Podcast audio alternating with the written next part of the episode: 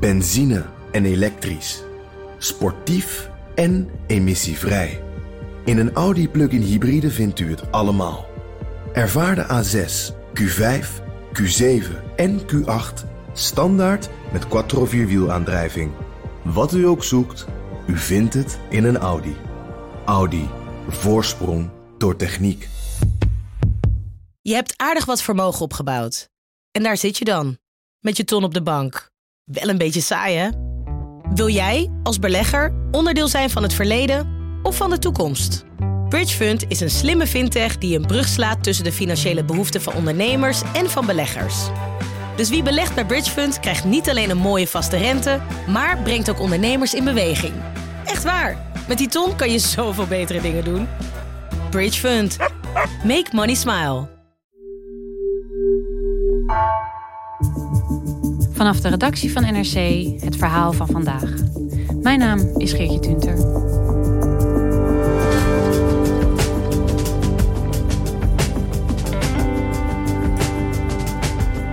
In 2016 loopt een 30-jarige moeder het Markermeer in. Ze verdrinkt zichzelf en haar tweejarige dochtertje. Deze ramp vond plaats nadat haar man talloze keren bij jeugdzorg, veilig thuis en de politie aan de bel had getrokken.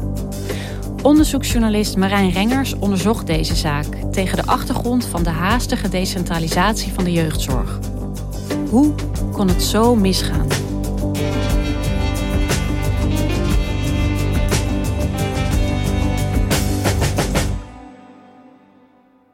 Op 21 mei 2016 ligt Erik anders te slapen.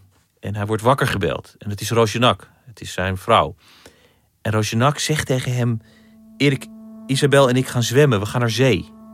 En Erik schrikt zich helemaal lam. Want hij weet, Roosjenak kan helemaal niet zwemmen. En hij belt 112. Hij belt een vriend. Hij belt zijn moeder. Hij zegt, jongens, het gaat mis. En hij gaat ook contact zoeken met de jeugdzorgmedewerker met wie hij daarvoor al heel veel contact heeft gehad. En hij stuurt een sms-bericht naar haar. Politie is op zoek naar Rosjanak en Isabel. Rosjanak dreigt Isabel en zichzelf te vermoorden door de zee in te lopen. Maar al die acties leiden tot niks. Er vliegen helikopters, er lopen mensen over het strand. Uh, alles, iedereen rukt uit. Maar uiteindelijk staan er een paar agenten bij hem in zijn huiskamer. En een van die agenten stapt even naar buiten en die krijgt een bericht over de portofoon. Die komt weer naar binnen en die zegt: Erik, er zijn twee lichamen gevonden. Marijn, ik ken jou als uh, onderzoeksjournalist bij NRC, die hier uh, vaak aanschuift over loesje geldstromen, fraude bij grote bedrijven. Zo'n persoonlijk verhaal als dit, hoe is dit op je pad gekomen en waarom raakte jij geïnteresseerd? Eind vorig jaar kreeg ik de tip van je zou eens uh, naar de zaak van Erik Anders moeten kijken. Omdat het zoveel laat zien over hoe Nederland omgaat met ouders met problemen. Hoe dat grandioos mis kan gaan. En hoe de overheid daarin haar verantwoordelijkheid soms ontloopt. In feite kun je zeggen, Erik Anders is de afgelopen vijf jaar heeft hij toegewerkt naar dit moment. Als instanties, als Veilig Thuis, die met de naam Veilig Thuis nog steeds te koop lopen. En dan als het misgaat, helemaal geen ene reet doen tegenover de slachtoffers. Ja, het is ondenkbaar. Ik, uh, ik ben in ieder geval eh, de afgelopen vijf jaar ja, ja, dood gegaan op allerlei vlakken. Waar begint het verhaal van Erik Anders en Roosjenak? Dat begint in 2010 op Facebook. Mm Ze leren elkaar online kennen. Ja, in een soort Facebookgroep. Nou goed, en daar viel zij op uh, met haar foto. Dus, dat is een knappe, knappe dame. En dus een jaar nadat wij zeg maar, een soort uh, vriendschapsconnectie hadden... toen raakten wij in gesprek. En uh, ja, dat werden gigantische gesprekken. En daarin zat een klik. Erik is een vlotte jongen uit Horen. Aardige gast. Kan je een goed een biertje mee drinken. En hij werkte bij kabelbedrijf UPC. Daar had hij een goede baan. Heel communicatief is hij. En was een mooi, frel Iraans meisje. Uh, gevoelig, vlinderachtig. En dan, begin 2011, besluit Erik om Rosjanak op te gaan zoeken in Teheran. Toen uh, heb ik uh, stoute schoenen aangetrokken. En toen ben ik naar Iran toegestapt met goedkeuring van haar vader en allemaal hoe dat dan allemaal gaat. Dus dat was een heel bijzonder iets. En een aantal maanden later brengt de familie van Rosjanak en Rosjanak een tegenbezoek aan Horen. De familie gaat na twee weken weer terug naar huis en Rosjanak blijft drie maanden in Horen. Toen uh, begon er een, uh, een, lange afstandsrelatie met allerlei visa-aanvragen. Gigantisch gedoe is dat allemaal. Maar uh, ja, het is avontuur. We zijn wel op reis gegaan naar Frankrijk en dingen. Ja, gewoon avonturen wel meegemaakt, een beetje zo. In de zomer van 2014 is Rosjanak weer in Horen, weer op een toeristenvisum. En ze hebben een fantastische tijd. Ze gaan op vakantie, ze gaan zwemmen. Het leven lacht ze toe. En dan, vlak voordat ze weer terug moet naar Teheran, blijkt Rosjanak onverwacht zwanger. En uh, wat, wat betekent dat voor hen dat zij zwanger is? Nou, opeens zijn ze een stel met, met een kind op komst. En zij kan niet meer terug naar haar ouders. Erik bedenkt en krijgt haar daar ook in mee dat als zij terug zou gaan, dat hij haar en hun kind waarschijnlijk nooit meer zal zien. Omdat zij als uh, ongehuwd zwangere van een niet-islamitische Nederlander waarschijnlijk nooit meer het land uit zal komen. Dus vanwege die zwangerschap heeft ze eigenlijk hals over kop een verblijfsvergunning gekregen. Maar ze is ook geëmigreerd eigenlijk zonder dat ze dat dus van tevoren gedacht had. Dat is natuurlijk ook een hele grote stap. Het is voor haar verschrikkelijk moet het geweest zijn. Ze heeft nooit gedag kunnen zeggen.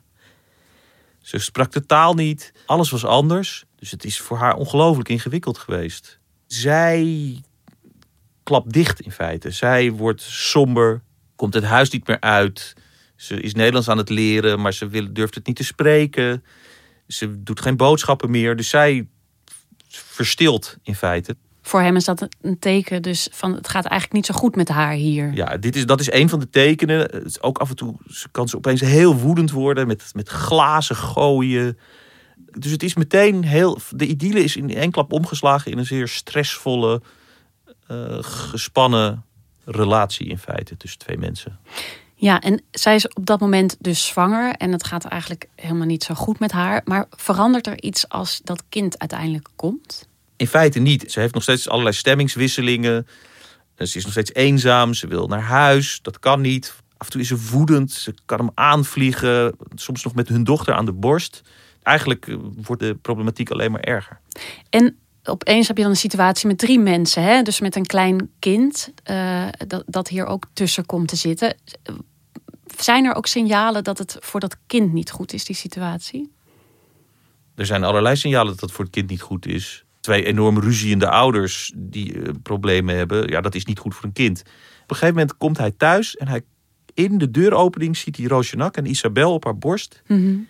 En Roosjenak zegt: Ik ga nu naar Schiphol. Ik pak een vliegtuig en ik ga naar Iran. En Erik die raakt totaal in paniek. Want die denkt, ja, als ze het nu teruggaan, dan gebeurt waar ik altijd bang voor ben geweest. Dan zie ik ze nooit meer terug. Ja. En hij belt uiteindelijk 112. Voor de veiligheid van mijn eigen dochter. En nou, dat is natuurlijk een verschrikkelijke nachtmerrie om dat te doen. Dat is het laatste wat je wil doen. Politie bellen voor je eigen vrouw. Omdat die uh, helemaal door het lint gaat. En de politie schakelt veilig thuis in. En dat is voor hem heel emotioneel, heel erg. Maar het is ook een opluchting. Veilig thuis, de naam zegt het al, belooft hem en suggereert ook dat ze een veilig thuis zullen bieden uh, voor gezinnen met problemen zoals de zijne. En wat gebeurt dan op zo'n moment? Nou goed, de volgende dag stond dus veilig thuis bij mij op de stoep.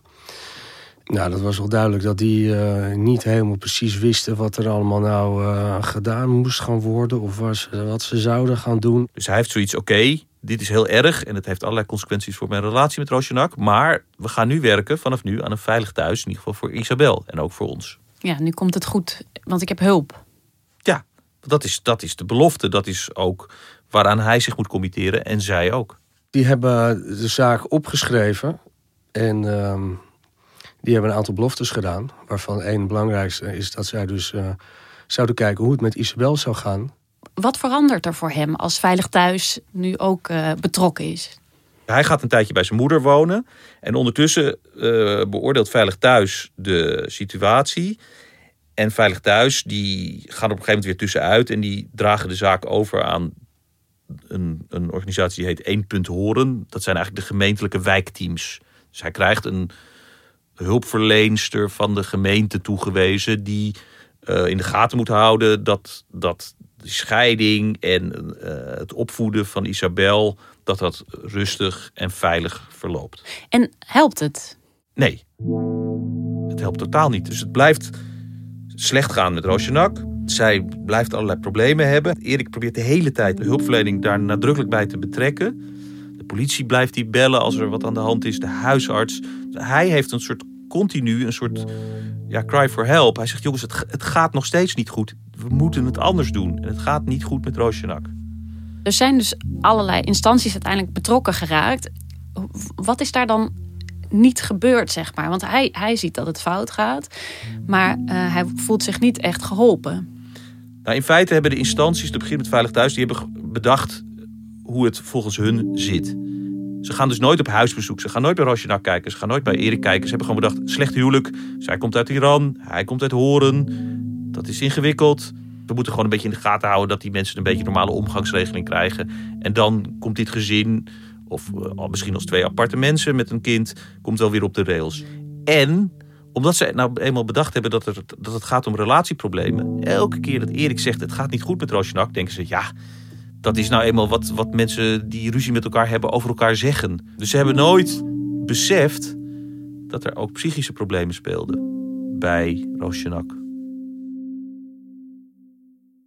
En wat weet jij over hoe zij daarop reageert, over die, die hulpverleners die zich maar melden? Nou, wat het moeilijk maakt, ook voor de hulpverlening, is dat zij, als zij een gesprek heeft met een hulpverlener, of als een keer de politie komt, eigenlijk heel rustig is, sereen, in het Engels uitlegt dat het allemaal wel weer goed komt. Dus zij is niet heel duidelijk in de war. Ze is in stilte in de war. Erik die ziet dat wel, hè? of tenminste zijn inschatting is: dit gaat eigenlijk helemaal niet goed. Hoe vaak heeft hij nou uiteindelijk aan de bel getrokken? Gigantisch vaak. Hij heeft uiteindelijk 900 berichten gestuurd, sms en WhatsApp aan, aan, aan, de, aan de jeugdzorg. Heeft 100 keer gebeld. Hij heeft 120 e-mails gestuurd. Zijn moeder heeft nog 30 e-mails gestuurd.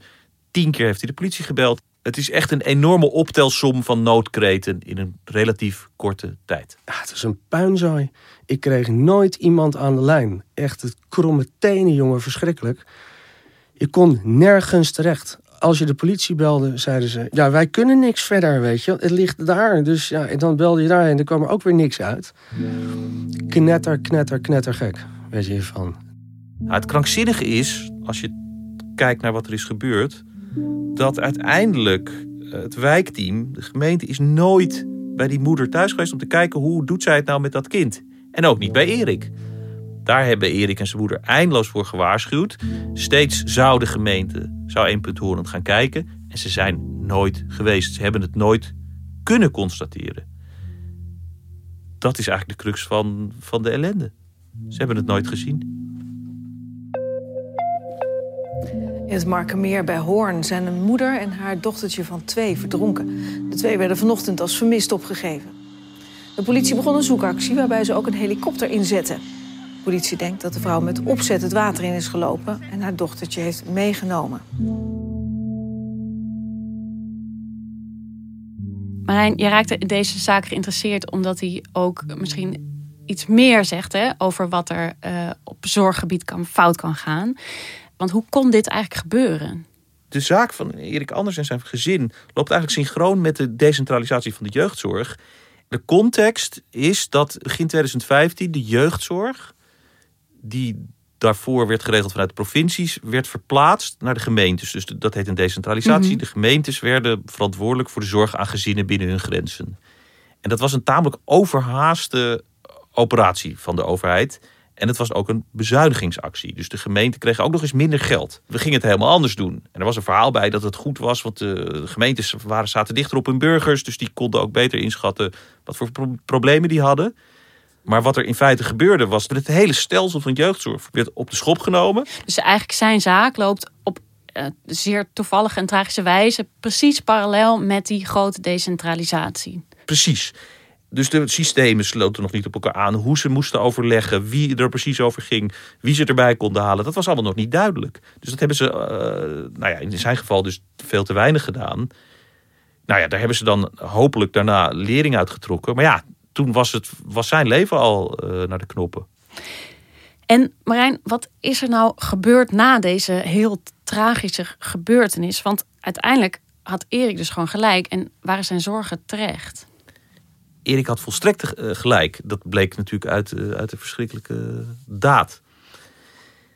Uiteindelijk, we hebben een aantal inspectiediensten uh, de zaak onderzocht. Die hebben met de betrokkenen gepraat. En die hebben een jaar later een rapport opgeleverd waarin stond wat iedereen in feite wist. Het is helemaal misgegaan in de hulpverlening. En daarbij werd eigenlijk niemand gespaard. Als in, het ging op alle vlakken ging het ging mis? op alle vlakken mis. De timing, de samenwerking was slecht. Individuele hulpverleners waren onvoldoende voorbereid op hun taak. Ze hebben te weinig overlegd. Nou ja, ga maar door. In 2019 kwam er een, echt een vernietigend rapport eh, uit hè, over die mislukking van die decentralisatie. In 2017 kwam er een rapport uit over het falen van gemeentes, zorgverleners, zorginstellingen. En die specifieke uh, case die zich in het leven van Erik heeft afgespeeld. Hè, twee rapporten, dat ligt er niet om. In hoeverre uh, heeft Erik daar nou wat aan gehad? Erik heeft daar helemaal niks aan gehad. Want dat zijn allemaal rapporten en conclusies die zich richten op het systeem. Maar hij is een mens. En hij moet door met zijn leven. Hij heeft de afgelopen jaren uh, op allerlei manieren geprobeerd om verantwoordelijkheid af te dwingen. Hij heeft de gemeente Gehoren aansprakelijk gesteld. Hij heeft ernstige PTSS, hij kan niet meer werken. Mm -hmm. Dus hij wil ook een soort financiële genoegdoening, maar ook een soort gesprek. Het is ook een soort, wederom eigenlijk een cry for help. Jongens, ik ben er nog. Ik zie het nog steeds niet goed gaan in de jeugdzorg. We moeten door. Praat met me, luister naar me. En dat is ook de tragiek uh, en ook een van de redenen dat hij nu dit verhaal wil vertellen. Um, maar naar hem toe is is er toch onvoldoende uitgesproken dat het verkeerd is gegaan. Uh, en is hem onvoldoende een soort helpende hand gereikt. Naar de hand toen hij dus nabestaande werd. En de man die gelijk had.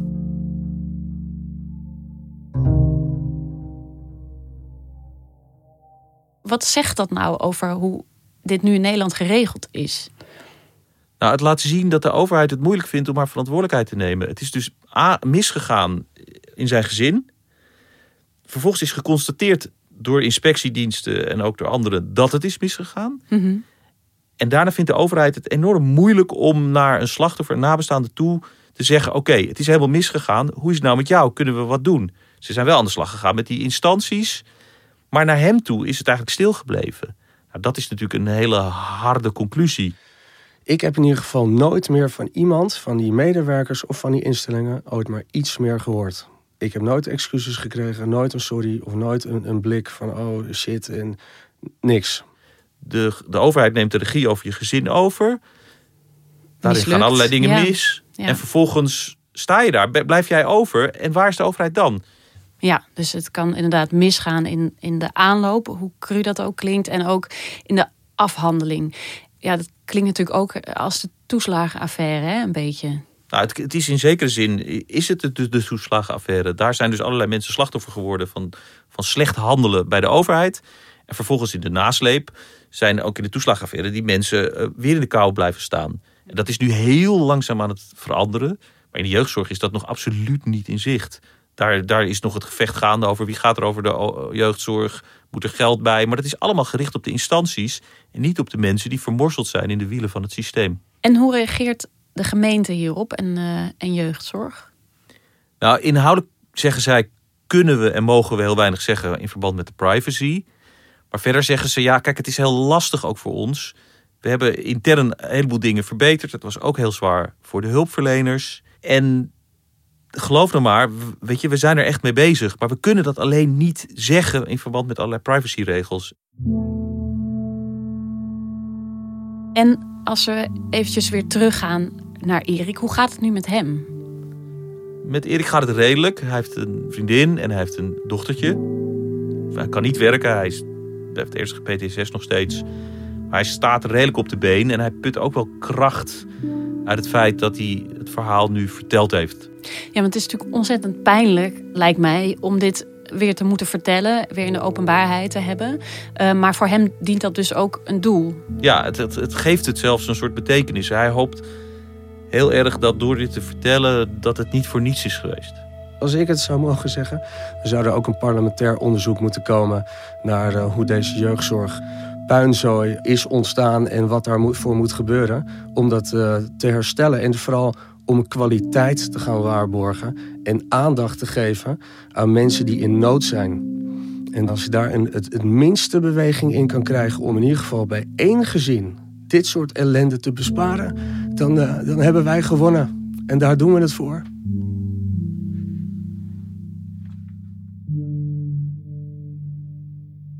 Dankjewel Marijn. Alsjeblieft. Je luisterde naar Vandaag, een podcast van NRC.